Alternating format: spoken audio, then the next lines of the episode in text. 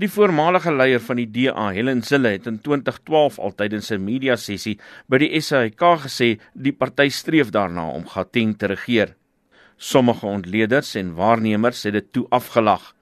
Maar toe die DA sy nasionale steun in 2014 van 16,6% tot 22,2% verhoog het, het hulle vinnig anders begin praat.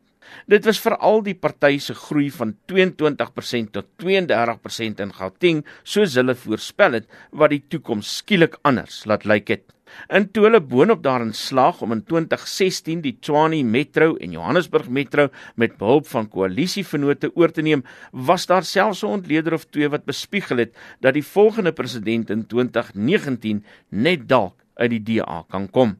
Dis dalk nog ver gesog, Maar wat nie ver gesog is nie is dat die DA Gauteng volgende jaar by die ANC kan afrokkel. En dit is op die feit dat Makasuli Ghana staat maak as moontlike premierskandidaat van die party in volgende jaar se verkiesing. I believe I have a chance to be a candidate for the DA because at this present moment I have to first get the nomination by the DA. But the time that I have spent as a councillor, as a member of parliament, and now as a member of the legislature has prepared me to be ready to be a premier of Gauteng. Die politieke ontleder Dr Piet Kroukamp aan Noordwes Universiteit sê Ghana se aankondiging is 'n bietjie voortydig en dalk onvanpas.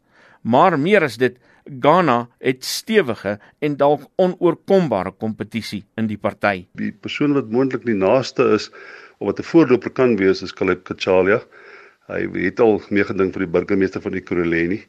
So ek dink hy hy kan moontlik 'n kandidaat wees. Solim Simang kan daar wees, maar ek dink op hierdie stadium probeer hy eenvoudig uh, net eers uh, sy munisipale of sy metro uh, behoorlik bestuur en ek uh, dink nie hy sal belangstel behalwe as die party hom spesifiek vra nie.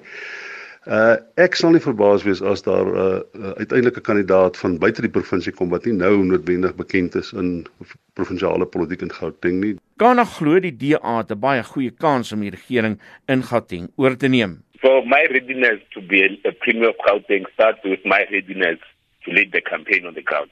We have a chance if we we are able to mobilize our people on the ground to go and interact with uh, people in Gauteng to say and see the DA to be the vehicle that's going to deliver on the jobs, a, DA that's going to deliver on, on good services for all the people of Gauteng, and a DA that's going to be able to take the people who at the present moment have lost hope in ever providing for themselves and their families to give them opportunity to be able to provide for themselves and their families.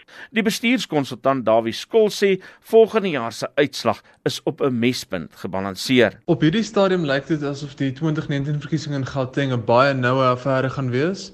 Dis waarskynlik dat die ANC uh, naby aan 50% of oor of onder gaan wees uh, en die DA ergens in die 40s gaan lê wat beteken dat dit lyk asof daar 'n goeie kans is vir 'n koalisieregering of 'n ANC koalisie of 'n DA koalisie uh, of miskien dalk 'n um, uh, ANC regering wat net net oor die 50% kry. Dit was die bestuurskonsultant Dawie Skols. Ek is Isak Du Plessis vir SAIK nuus.